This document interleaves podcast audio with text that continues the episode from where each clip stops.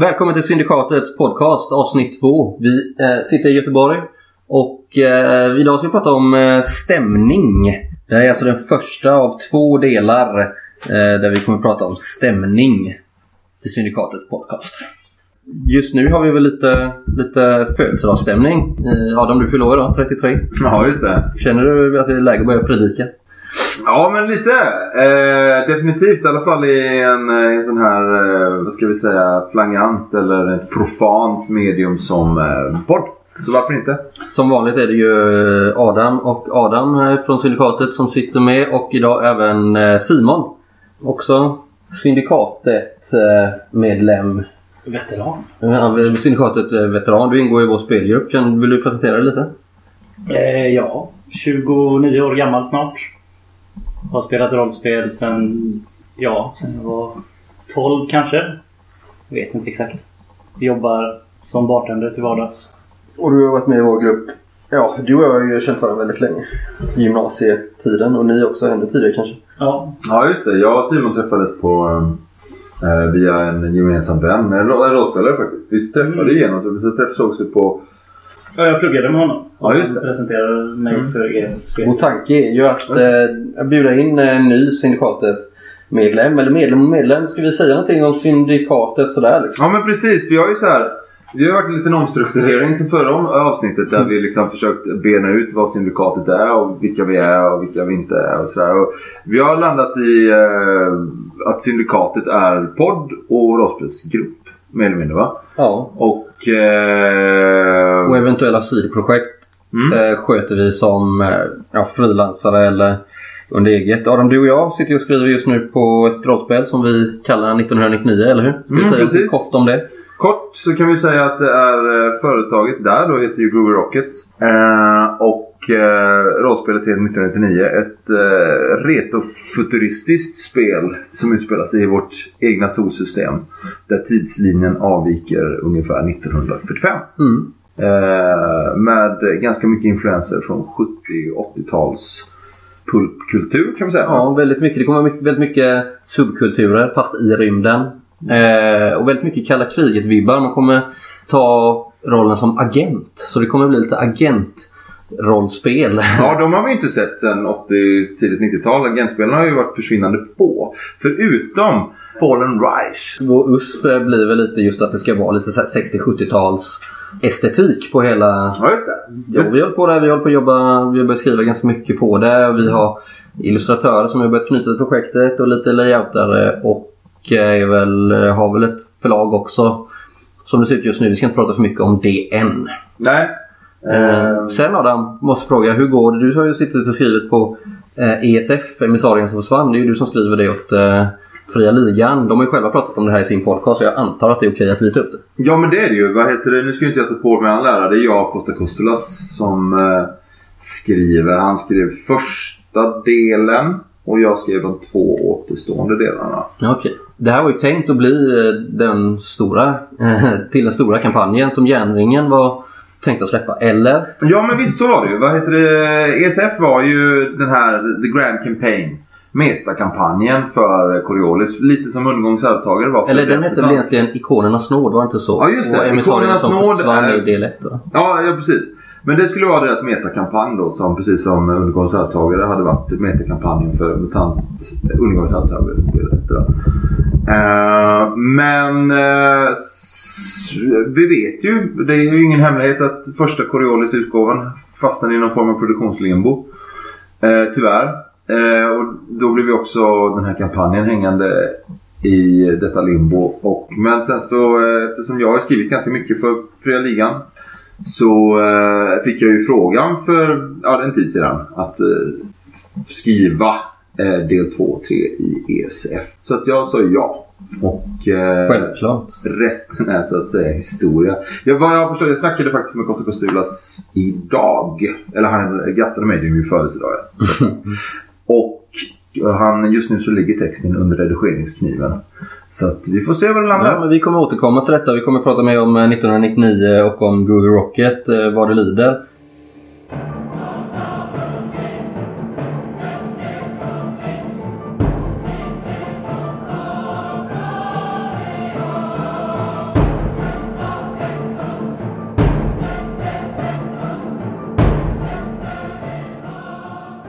Eh, idag kommer vi ägna oss åt ämnet stämning som sagt. Och eh, den stora frågan som vi kommer försöka bena ut här idag är väl egentligen hur gör man för att uppnå stämning?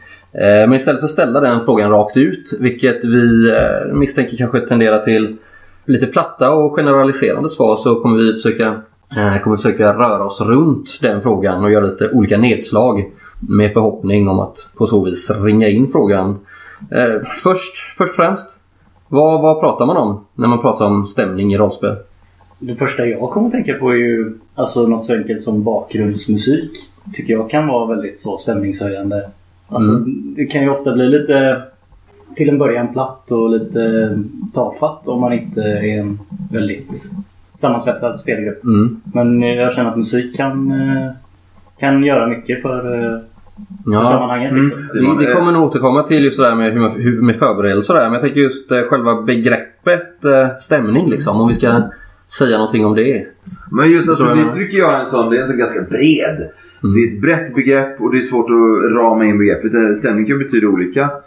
Vår grupp har ju försökt hitta någon stämning som skiftar utifrån rollspel. Precis. Men precis som Simon säger här så tycker jag att musiken är en sån oerhörd kraftfullt verktyg för eh, stämningen. Jag tycker det, det gör så mm. fruktansvärt mycket. Jag tror väl att, alltså i det här samtalet som vi kommer att ha så tror jag väl att vi pratar om stämning lite som den här övergripande känslan som delas av hela gruppen förhoppningsvis.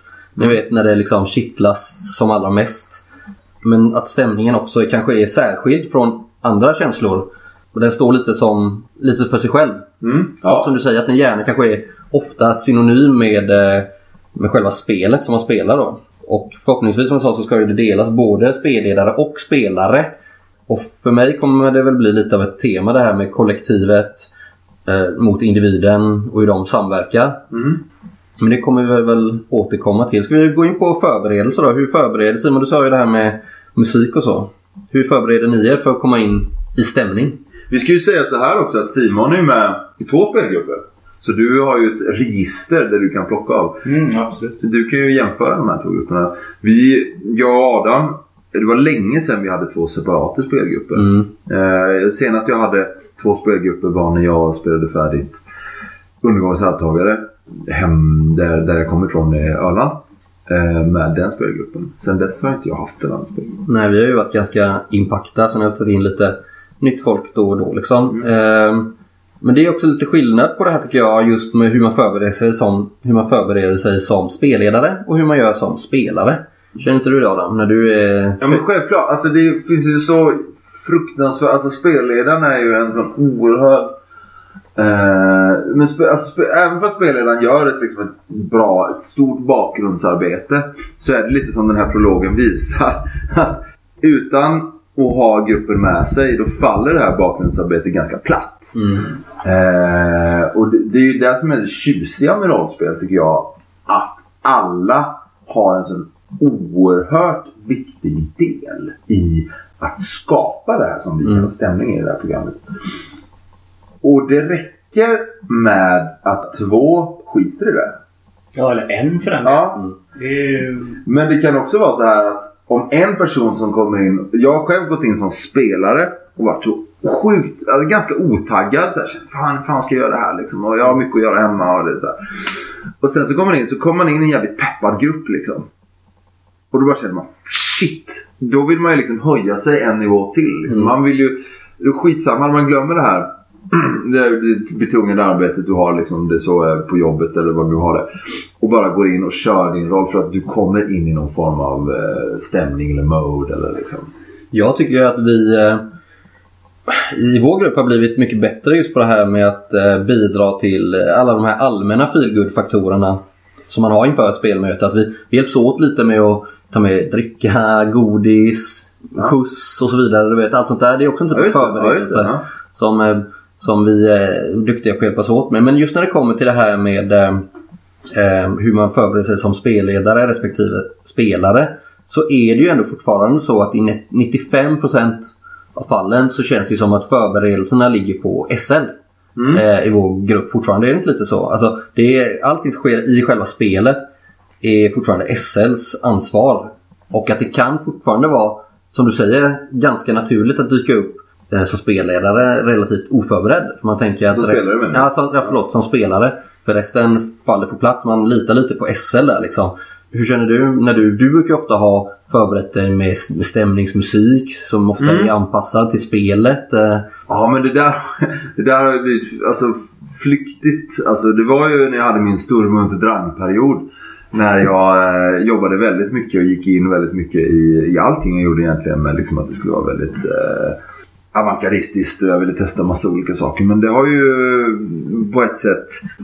Jag har fått backa lite på det här med att det har kommit massa andra saker i, ehm, i vägen. Jag pratade faktiskt med min gamla spel, eller två i min gamla spelgrupp i, tidigare i veckan.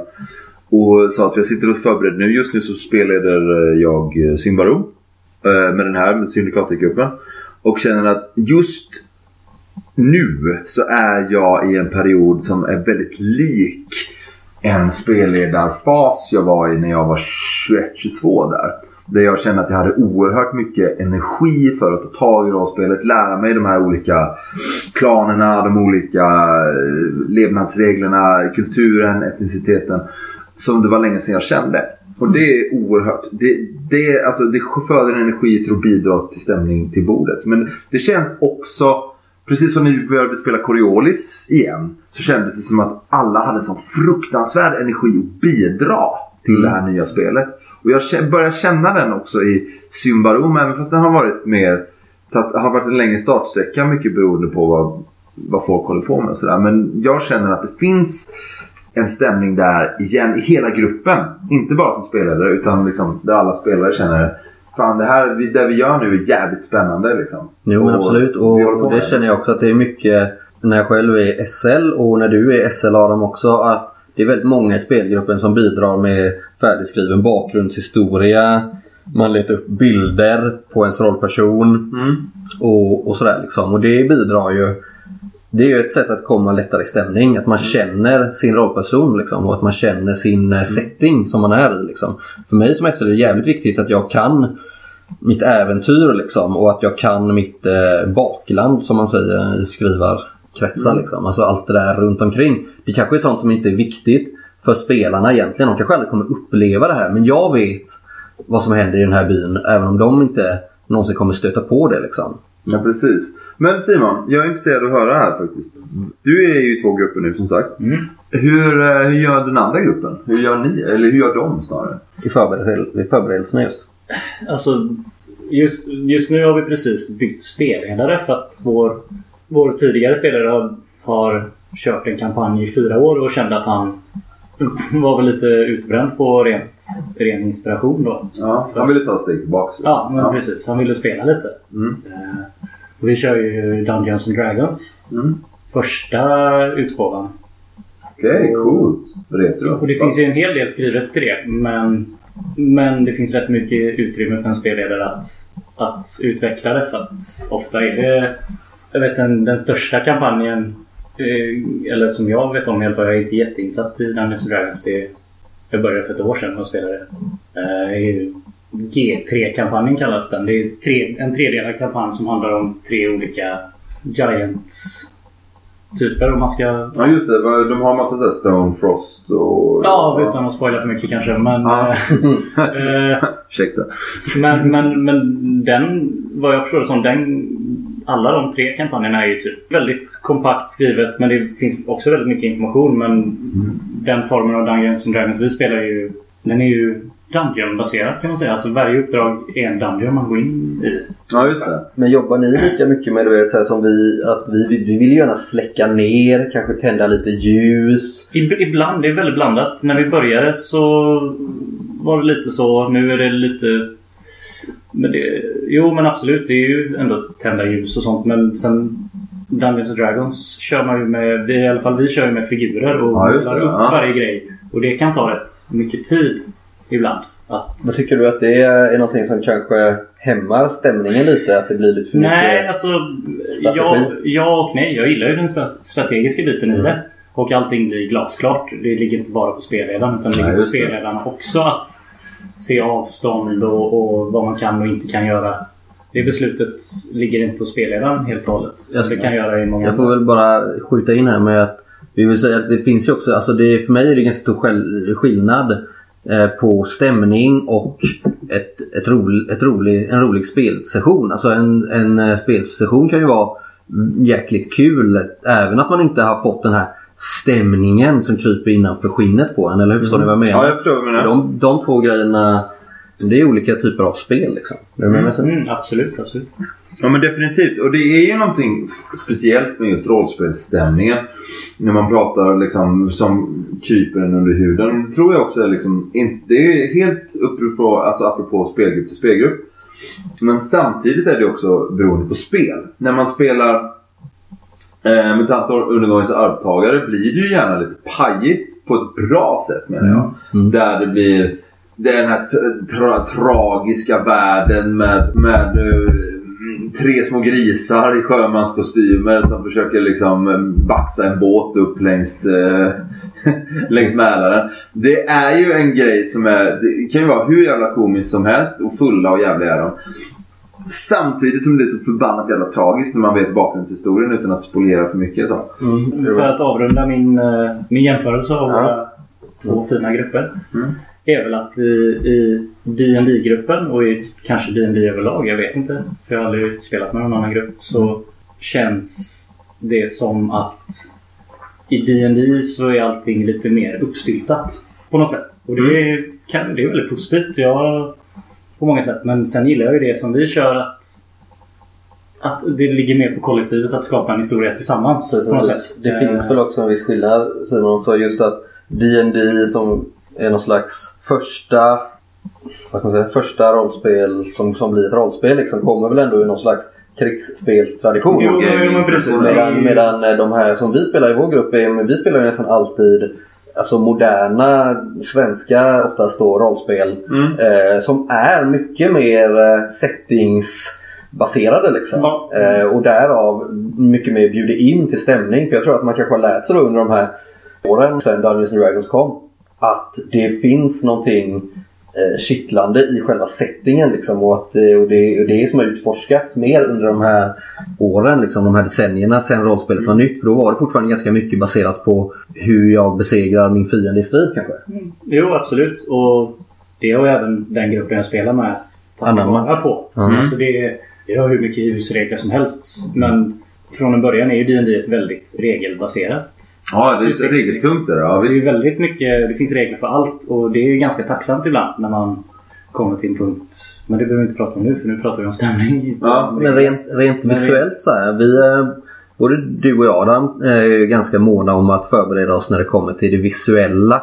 Att man har lite så här stämnings... Eller vad ska jag säga? Lite miljöbeskrivningar och sånt där förberett. Och man har också kanske, som jag har jobbat med mycket senaste tiden, att jag har mycket eh, bilder förberett som jag kan visa mina spelare.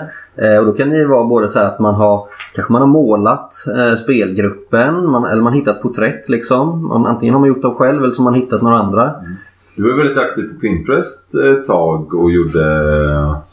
Vad var det? Till den senaste grejen vi körde med Trudvagn så Ja. hade du oerhört mycket bilder. Ja, det var en ny grej jag testade där och det tänker jag att det är ju jäkligt, det är en, vad ska man säga, en genväg men samtidigt är det ett sätt att få gruppen att eh, se samma bilder. Eh, det, för ja. mig är det så här, jag som är lite eh, kontrollfreak så jag vill att att bilderna som vi skapar oss i våra huvuden, de är ju alltid individuella. Och det finns en tjusning med det. Men samtidigt finns det någonting i mig som vill att Det är den här visionen jag vill förmedla som SL. Känner ni det jag känner? För att man ska ha samma känsla.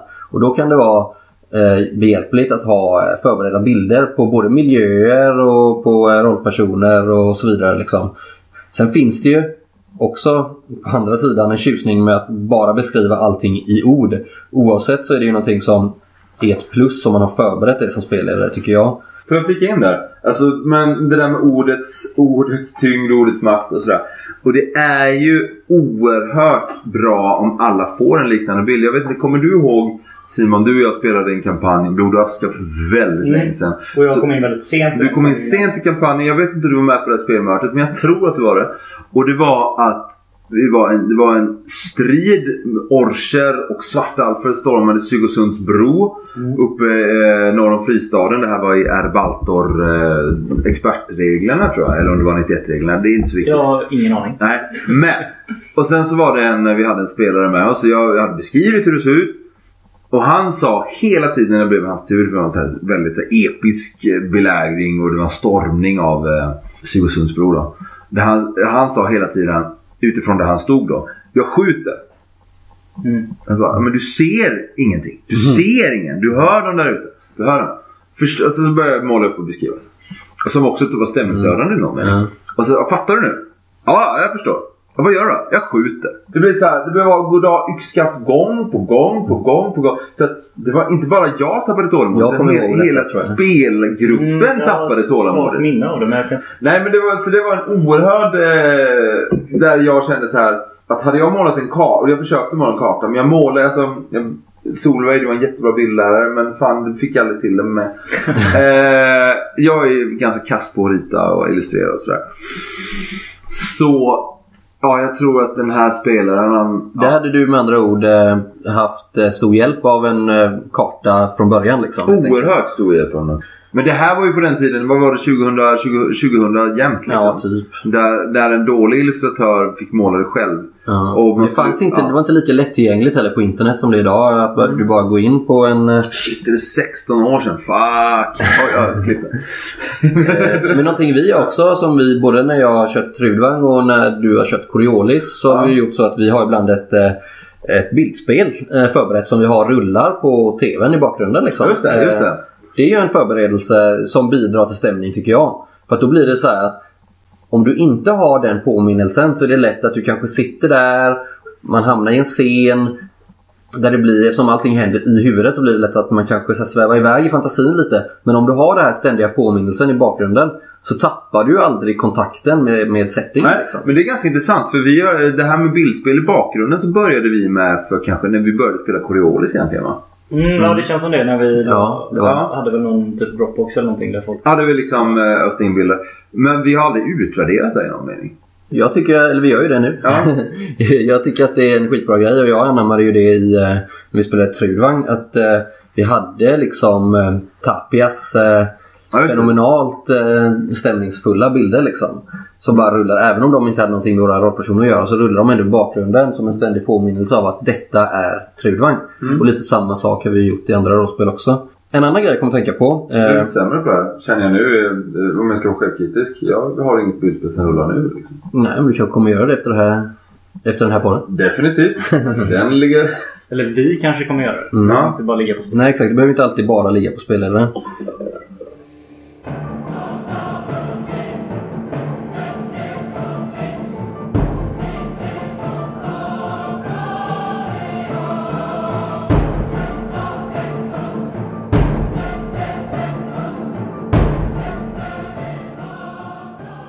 En annan grej som för mig är Alltså drömmen eh, när det kommer till förberedelse är ju att kunna alltså helt dra sig undan eh, vardagen och eh, hur mycket man än älskar sin familj och allt det där. Ta liksom eh, sina vänner till en avlägsen plats, kanske en stuga mitt ute i ingenstans liksom och bara hänge sig åt rollspelande och sina egna fantasier. Kanske gärna i flera dagar i sträck liksom.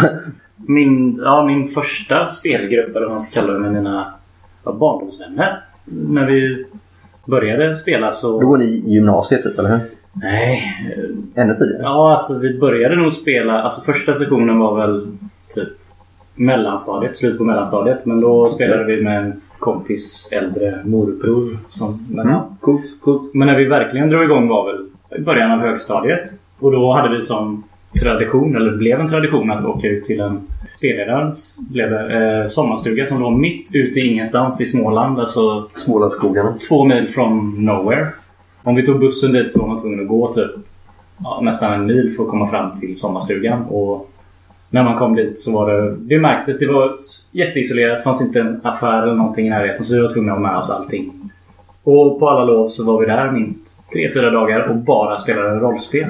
Det är ju drömmen. Ja, men det, var, vi, det var dedikerat. Det fanns ingen värme i det huset. Så vi, Ingen rinnande vatten. Ingen rinnande vatten, ingen värme. Så vi eldade i, i Mm. brasan hela Vi hade Ja, ju hela helgen, lite liksom. liknande hos dig Adam när du bodde på Öland där i uh, Norra Möckleby. Ja, man det. visste det liksom att åker jag hit på fredag kväll då finns det ingen buss förrän söndag eftermiddag. Hur var det? Nej, måndag, för, måndag morgon. Ja precis. Ja. Då, då var man ju beroende på att någon hade körkort eller att man Ja. hade snälla föräldrar som skjutsade liksom. Precis.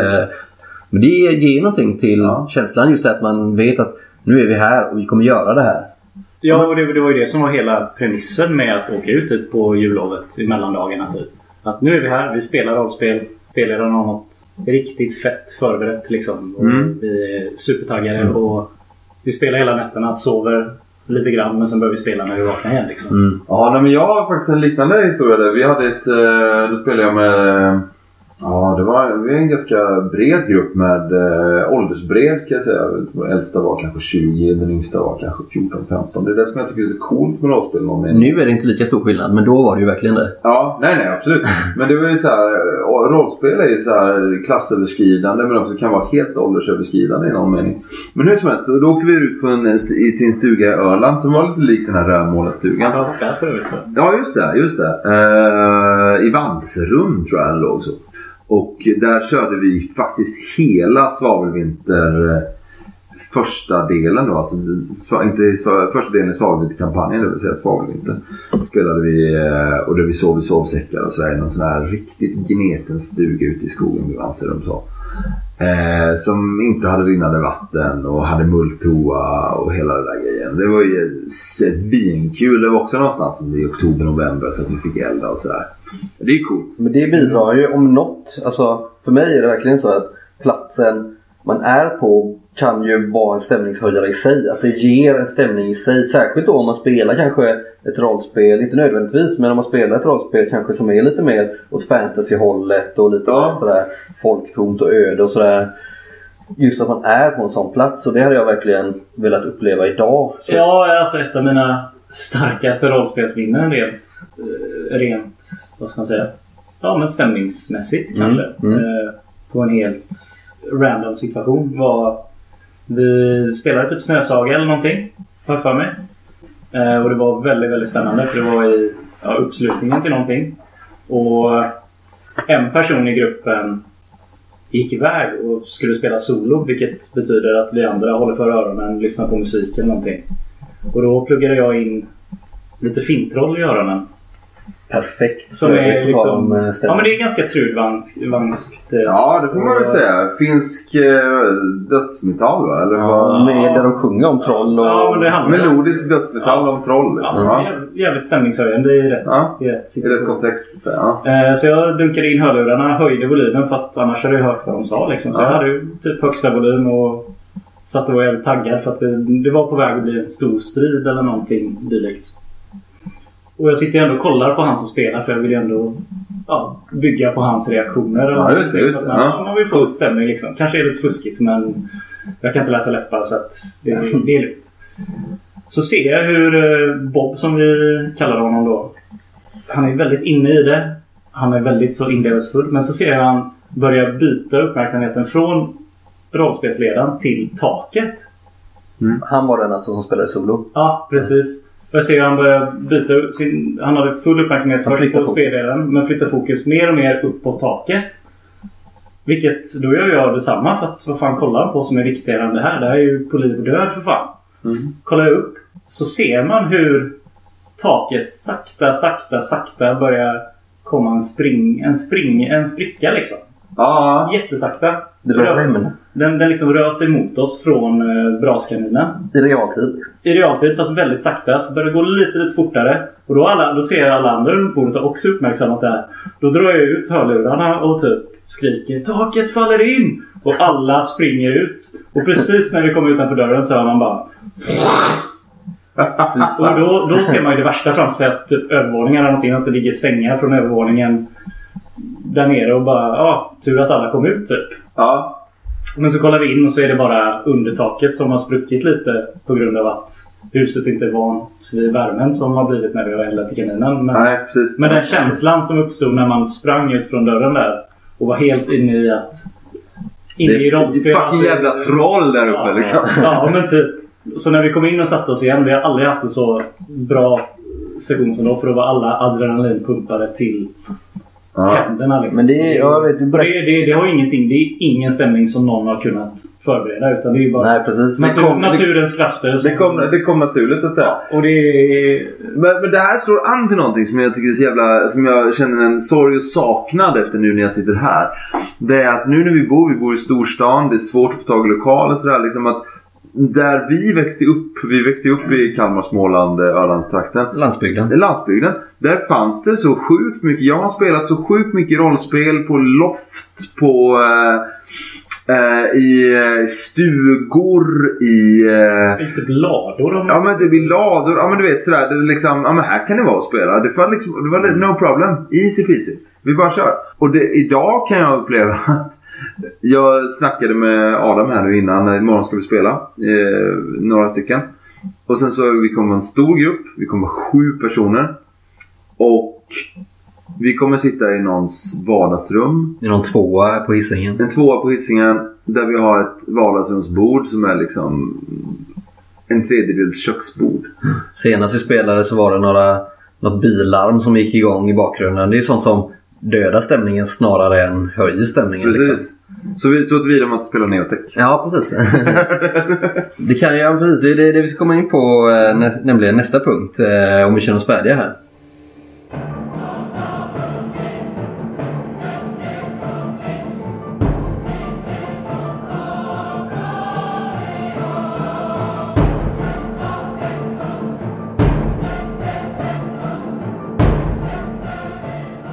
Som vi var inne på lite så här att det finns ju lite olika typer av stämningar. Att vi kan snacka alltså, skräck, spänning, romantik kanske, action, adrenalin eh, och eh, ibland bara ren eh, setting-mys liksom.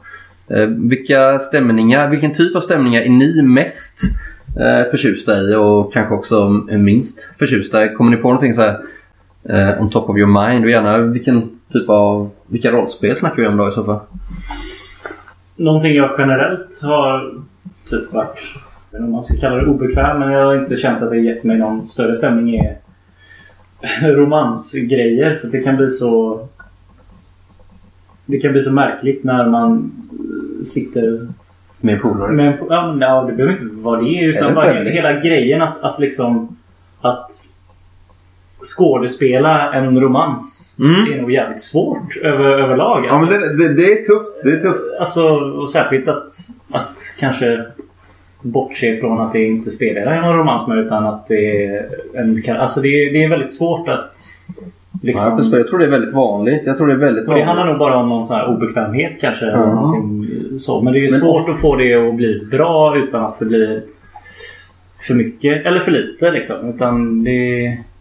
Det, ja, det är en jävligt märklig situation. Jag eh, förstår precis vad du snackar om och jag känner nog lite så här att eh, på ett sätt håller jag helt och hållet med dig. På ett sätt så känner jag så här att det här är ju en fråga om eh, då och nu. Alltså för mig. Att det, det var, när vi började spela rollspel så fanns det fortfarande, jag ska inte säga machokultur, men det var ändå så här grabbar i samma ålder som hängde ihop och då var det, det var, blev tabubelagt liksom. Det hade inte flugits tror jag för mycket i eh, vissa, särskilt inte med vissa eh, spelledare och vissa spelare och man ville inte gärna visa en, käns- en alldeles för känslosam sida liksom. Eh, för på den tiden, eh, till skillnad från nu, så var det ju så här, man vill, vill man inte Vissa kanske tyckte att det var, man vill inte vara fjollig, man kanske inte vill vara bögig liksom. Förstår du vad jag menar? Och det är skitsorgligt att man hade den tiden. Samtidigt minns jag att det fanns undantag redan när vi var unga. Jag vet att du hade en fin eh, session när jag var i SLI, vi spelade Truvang Adam. Ja. Och du eh, och Jimmy eh, hade en fantastisk scen. Lite in between scener hade ni en scen. Där ni faktiskt spelade en romantisk scen. Kommer du ihåg det? Ja men precis. Och jag tänkte, det här är också det här jag refererade till, refererade till tidigare. Min Stormont drangperiod där jag verkligen ville testa på allting inom den här. Eh, eh, vad kan det här mediet eh, utvecklas till och vad kan jag använda? Och då spelade, det var ju, alltså jag hade min Stormont drankperiod där från 90 19 till 22, 23 där någonstans. Där, och inte minst det var inte Det är bara... då man ska ha den. Ja men precis, ja, det är då man ska. Det var ju inte inom rollspel per definition utan det var ju inom hela livet kan man säga. Det var en upptäckarfas i mitt liv.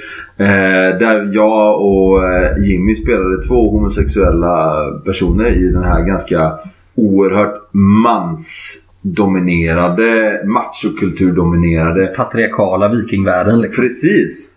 Där eh, jag spelade en eh, sejdare.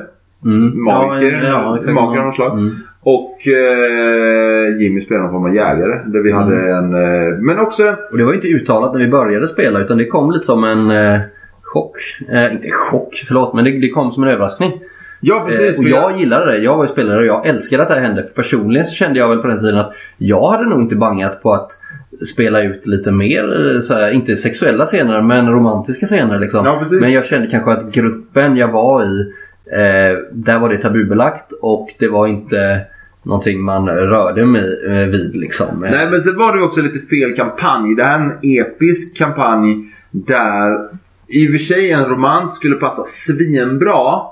Men det känns som att en stor del av gruppen ville eh, vad heter det, tärningskruncha, slå höga skadevärden medan Döda troll och... Döda troll medan jag och, och Jimmy i någon mening ville utforska de här två karaktärerna som vi hade. Jag kommer ihåg det så tydligt för att det var så här, du eh, för att vi stod typ mellan köket och vardagsrummet och de andra var och värmde pizza eller någonting liksom. Och så körde vi en improviserad scen, Ja. där liksom. Eh, stående.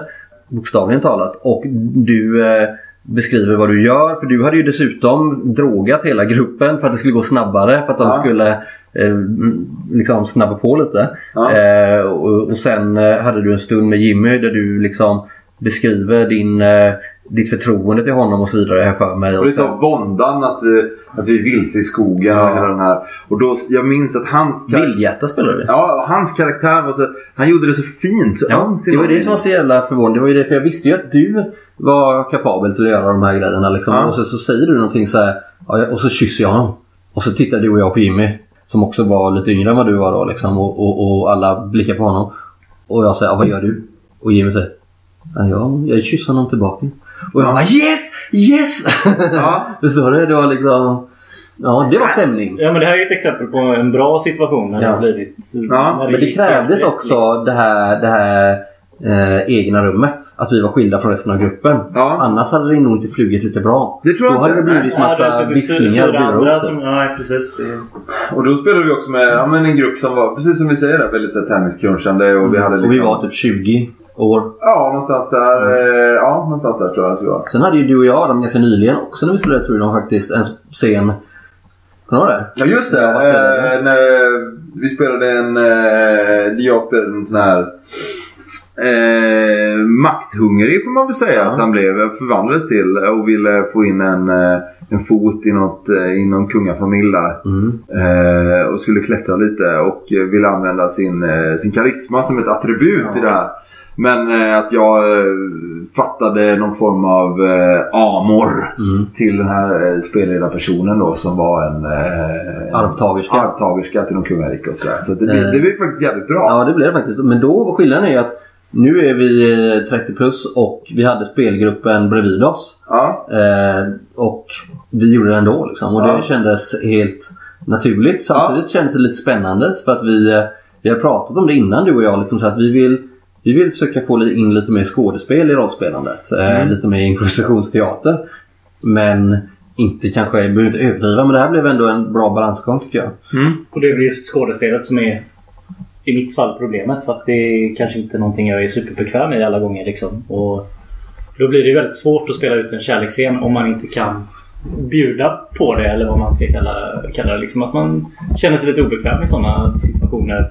Mm. Där man, ja, men där man måste skådespela mm, mer än vad man kanske brukar när man eh, rollspelar. Mm. Liksom. Ja men precis. Liksom där en, krig, inte- en krigsscen är ju ganska enkel. För då bara, ja, jag hugger honom. Ja, jag slår bra. Det är liksom... Ja, Jag ser stor och stark ut. Det är Ja, liksom, Ja, men liksom, det är ganska tacksamt och enkelt spela. Stridsvrålet ljuder över spelar dagen. en sådär och sådär. kärleksfull ung eh, hjälte som Ja. slåss mot väderkvarnar kanske Eller en är antihjälte. liksom. Ja, precis. Ja. ja men Eh. oerhört. Och det, och det, jag tror också det vissa spel föder en... Alltså till exempel Coriolis som är tungt det har en tung sci-fi setting men det har också en sån här tung mystik-setting. Gör det möj möjligt att kanske bygga de här relationerna på, uh, i en spelgrupp. Medan ett uh, Dungeons Dragons hade kanske inte liksom så här vem kryper du ihop med när du sover i grottan? Liksom? Nej precis, det är det det handlar om. Liksom, vad står det i grundboken? Liksom? Vad ger det för vibbar? Mm. Förstår du vad jag menar? Det är lite det också. Vad signalerar det här rollspelet? Och som du säger, Coriolis som är ett ganska nytt, eh, modernt spel skickar ju kanske ut signaler. Nu hade vi inga exempel på just Coriolis här men det finns andra. Eh, där liksom också där, det, där vi har en uttalad, eh, vad ska man säga, där, där sexualiteterna gärna är gränsöverskridande. Ja, och Coriolis är ju jättebra där. För det är alltså samtliga eh, Coriolis som gärningen gör är ju väldigt avantgardistiskt i någon mening. Är ju att de gör att nästan alla kurtisaner till män i, eh, i sina illustrationer också. Så att de som handlar med den här varan helt plötsligt är, har ett, ett manligt attribut. Eh, även om vi vet att det finns kvinnliga kurtisaner också självklart. Men det blir också en sån naturlig del i spelsättningen.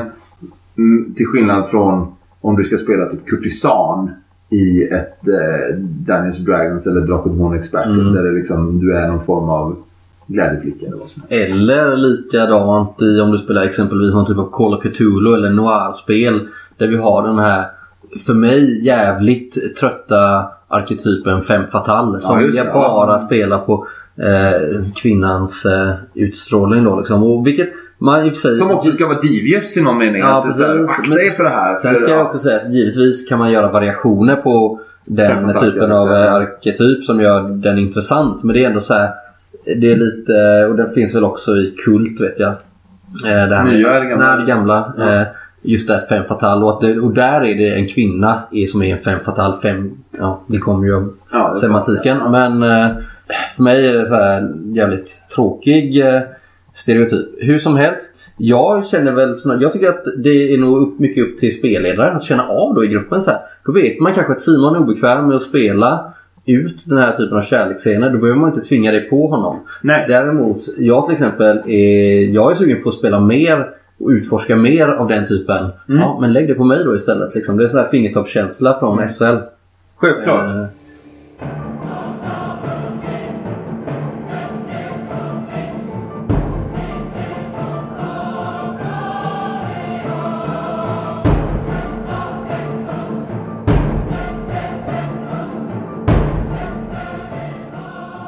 Men vad har ni med för spel då om vi ska säga så? Alltså rollspel. Eh, nu ska vi säga att vi är inte sponsrade av någon eh, speltillverkare här. Men vad kan ni känna? Något som ni känner att det här är stämning för mig bara man nämner namnet liksom? Jag, jag har alltid älskat Trudvang för det var bland det första jag spelade. Mm. Eh, Riot Minds version av Drakar och Demoner då. Mm. Det var det första jag spelade och det har jag alltid väldigt nära hjärtat. Liksom. Det, det är det jag kan bäst och det, det är det jag får mest bilder i huvudet av när vi börjar prata om det. Liksom. det men det är väl för att det är tryggt och hemma och man har spelat mycket och man kan, man kan världen och man kan historien och allting sånt. Liksom. Mm. Jag håller med där. Det är för mig också ett spel som för mig är alltså väldigt synonymt. Alltså spelet är synonymt med känslan av spelet. Eh, på ett sätt som är... Men det är också så här. Jag tror det handlar i grund och botten om läggning. Eller vad man ska kalla det. Eh, vad, vad gillar man liksom? Och jag, eh, jag gillar den här fornnordiska urskogsfantasyn. Liksom. Det räcker med att se ett naturprogram på TV där mitt i naturen eller någonting. Liksom. Mm. Och sen så bara, ja där vill jag vara som rollperson. Liksom. Ja. Förstår du vad jag menar? ja, precis. Jag är ju eh, i av en äldre skola i någon mening och var ju aldrig riktigt förtjust i eh, Riot Minds tolkning av eh, och Drakar och Demoner-licensen. Så tycker jag att Trudvagn har en väldigt bra setting. Det tycker jag definitivt. Men jag tycker någonstans att det aldrig var Drakar och Demoner och det var väl det som skars lite för mig. Men jag, om vi ska komma och prata stämning så har jag spelat jag tyckte Call of Cthulhu eh, med Chaosiums D20-system var en... Det krävdes oerhört mycket av spelare och spelledare för att det skulle bli ett bra spel. Eh, och det stämningen var väldigt... Eh, det var essentiellt. Det var nästan viktigare än själva det här tärningscrunchandet i någon Mm. mening. Eh, men sen så tycker jag ju om de här lite nyare spelen. Speciellt från Järnringen som har en, mer, en eh, ganska lösare regelstruktur. Där det finns mycket plats för beskrivning. Eh, ett Mm. av mina favoritspel från Järnringen är väl kanske Coriolis men jag får väl inse någonstans att Undergångens arvtagare är väl en av deras, det är väl deras flaggskepp fortfarande. Symbarom kanske är på väg dit. vet jag. Noterar att du nämner regelsystem här nu i eh, ett par exempel. Mm. Eh, är det, jag är av den uppfattningen, jag tror det är det du menar, att regelsystem, komplicerade regelsystem kan ibland förstöra ett rollspel. Och det är väl kanske Ja. det du känner och kanske eh, emot Trudvang. Men för mig är alltid regelsystemet sekundärt. Det är någonting som kommer på köpet och som man kan eh, förhandla om eller till och med byta ut. Liksom. För, mig så, är- för mig så är ett rollspel nästan alltid synonymt med settingen. Mm. Ja men jag, jag hör det, jag hör det. Men det är också utifrån vilka spelledare man har träffat som har hållit i spelsessionen. Men säga sen- jag då. Nej, men det finns andra. Ja, men jag kan säga så här att eh, jag har ju eh, spelat väldigt lite till exempel västern och rävspels produkter så. Eh, de har bytt namn nu tror jag, men jag vet inte riktigt vad de heter idag. Men hur som helst så har jag en av de starkaste rollspelssessionerna på senare tid var ju jag, jag spelar på Gothcon och let's face it, ibland när man spelar på ett konvent så kan man träffa spelledare som inte riktigt klickar med den, den gruppen man är och sådär. Och eh, det får man ju vara, det kanske man får vara liksom tillfreds med. Men där träffade vi nu senast Gothcon 2016 då, en oerhört skicklig spelledare vars namn jag inte kommer ihåg. Som gjorde en sån oerhört grym jävla western-setting så jag blev så här fan blown away. Och som 33-åring så blir det ganska sällan man blir blown away med någonting som man har gjort sedan man var 10 liksom.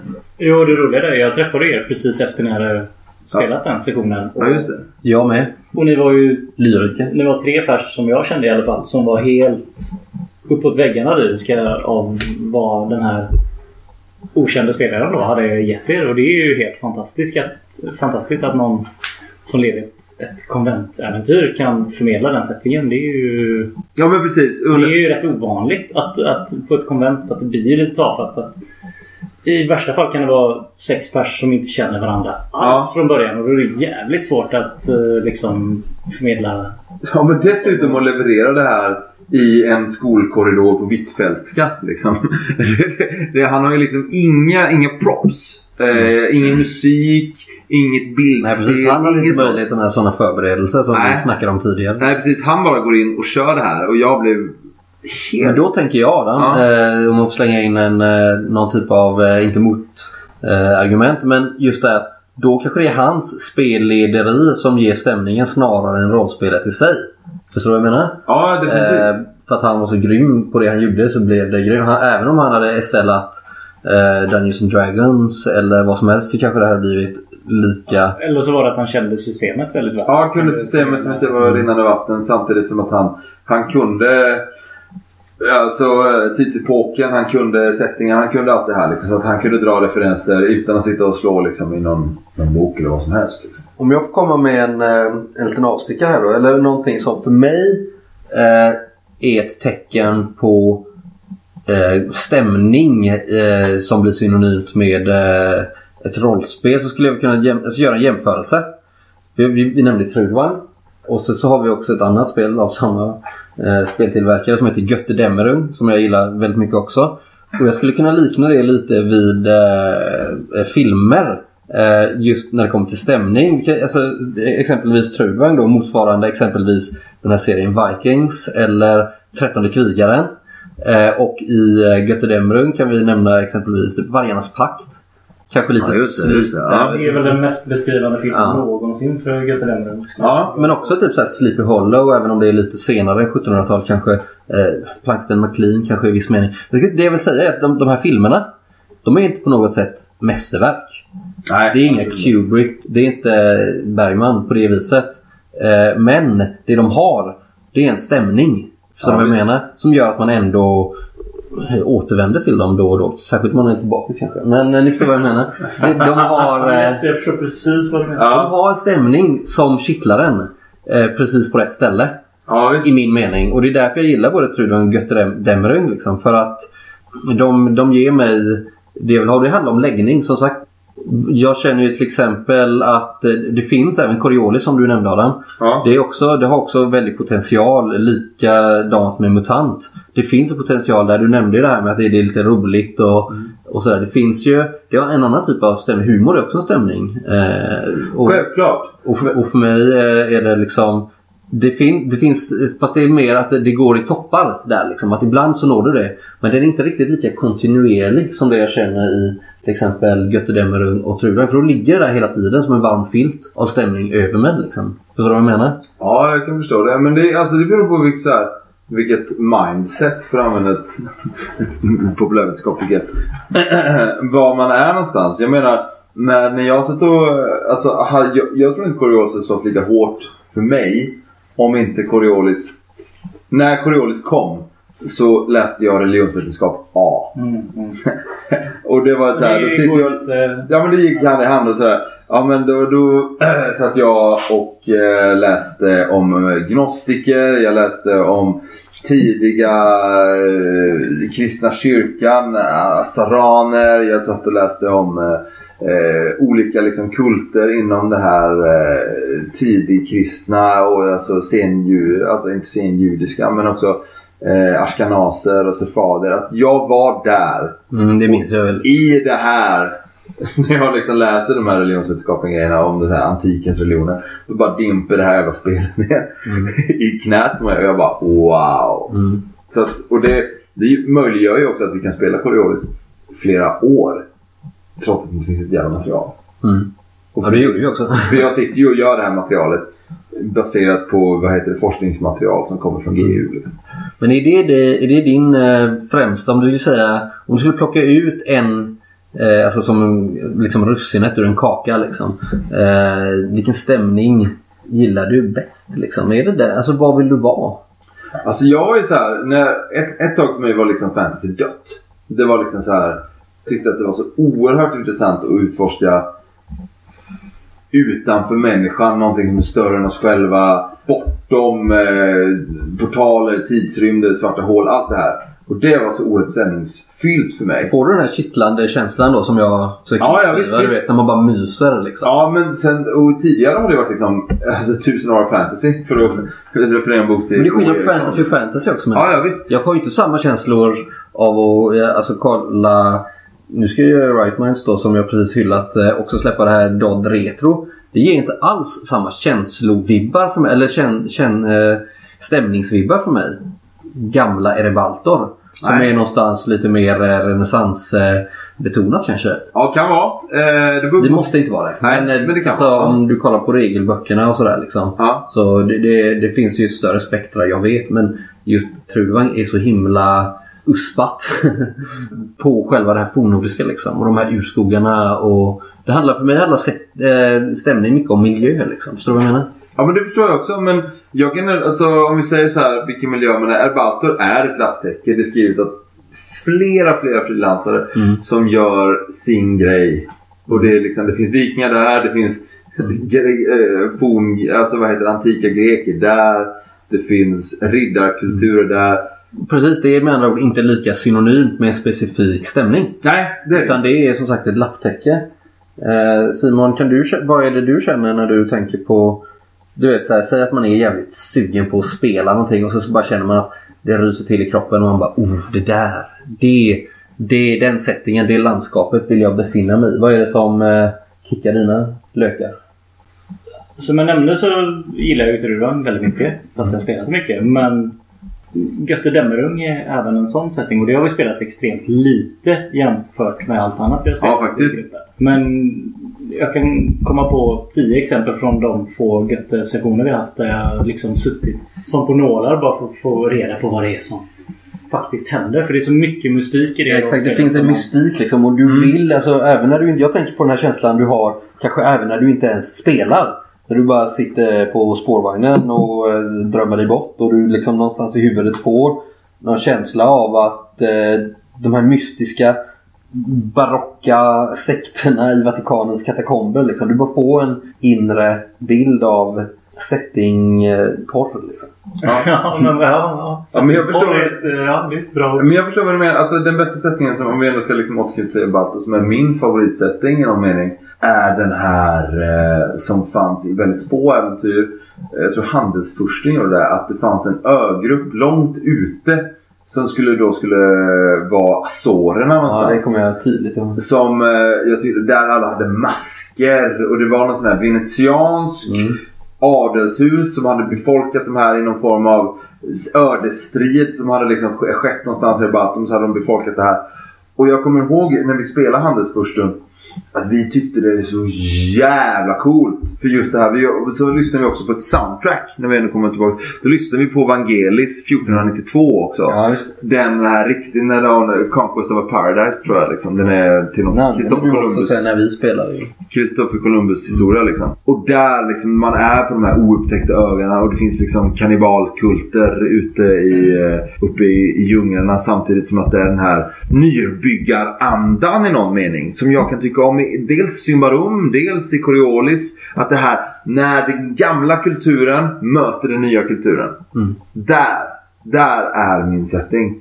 Inte, och det är där, därför jag inte tycker om Trudvang så mycket kanske. För att det finns ingen, inte vad jag har märkt i alla fall. Den nya kulturen går mot den gamla kulturen. Nej, det finns ingen eh, alltså, problematisering. Nej, Om det är det du söker liksom. Ja. Det finns liksom inte ta det här och blanda det med det här. Utan Nej. det är bara, eller bara bara ska jag inte säga. Men det, är- det är en, men för mig, jag gillar den tydligheten och jag gillar liksom att stockar och stenar och små ja, men jag, jag förstår vad du menar men jag vill ha den här så här. Är det det progressiva nya eller står man i det gamla? I det gamla? Och det, Men, men det känns som att nu är vi också där igen. Det är som man diskuterar så här. Jag tror att du eh, är på samma spår som jag. Men för mig blir det så här. Det finns många spel som jag tycker är väldigt bra. Mm. Eh, men jag vill också liksom eh, stress the fact eh, att eh, vi är äldre nu och vi spelar nu för tiden ett mycket mer intellektuellt snarare än emotionellt spel, eller hur? Ja. Och då funkar alla typer av rollspel. Det är inte lika viktigt just det här med stämningen på samma sätt. Förstår du vad jag menar? ja, just det. Ja. Alltså att vi kanske, man får, alltså ett spelmöte som jag sa förut kan vara grymt bra även om man inte har känt den här kittlande känslan. När vi var unga, som jag sa i förra spelmötet Adam, så eh, Eh, Podden. Förra podden. förra podden ja, så sa jag ju att eh, den här skräckkänslan, den var ju, det är en känsla, det är en eh, stämning i sig. Skräck och spänning. Och den var ju mycket mer påtaglig när man var ny liksom. Eh, ny för det här mediet som är rollspel. Jämfört med vad det är nu. Man blir inte rädd på samma vis. Eh, man är avtrubbad liksom. Och man, jag tror också att man i en viss mening är avtrubbad idag. När vi spelar. Att vi har, nu har vi liksom en stämning som är god eh, rakt igenom. Liksom. En god, eh, kontinuerlig, bra stämning. Jämfört med när vi var nybörjare i, i det här. Då var det mycket mer så här, toppar och dalar när man var ny. Och det gör också att man kanske att, att, att eh, fler typer av rollspel är belönande att spela. Någonting jag inte tycker om det är ju när spelare säger ah, jag ska spela fantasy, det gillar jag inte. Eller jag gillar inte sci-fi. Innan man ens har testat det liksom. Då byter jag ämne helt och hållet nu. Så. För att avrunda lite kan vi väl enas om att mystik i sig är en stämningshöjare deluxe. Spot on! Simon. Spot on. Ju mindre man vet om en värld och om ett rollspel desto mer vill man utforska. Utforskar, uh, utforskar uh, syndromet. Ja, men- Människans Som att man- drivkraft i någon mening gör en stämning. Men det är lite så att man kom, du vet när man kommer till en plats och man vet att Oj, här finns det äventyr att hämta. Det finns någonting här som jag inte känner till men det kommer bli äventyr av En det. uråldrig historia. Ja, exakt. Ja. Ja, det är bra. Vi fortsätter eh, prata om de här ämnena i eh, nästa avsnitt av eh, Syndikatets podcast. Stämning kan man prata hur länge som helst om tydligen. Nu ska vi ut och fira Adams 33-årsdag. Det ska bli skit. På återseende. Jag med. Hej då.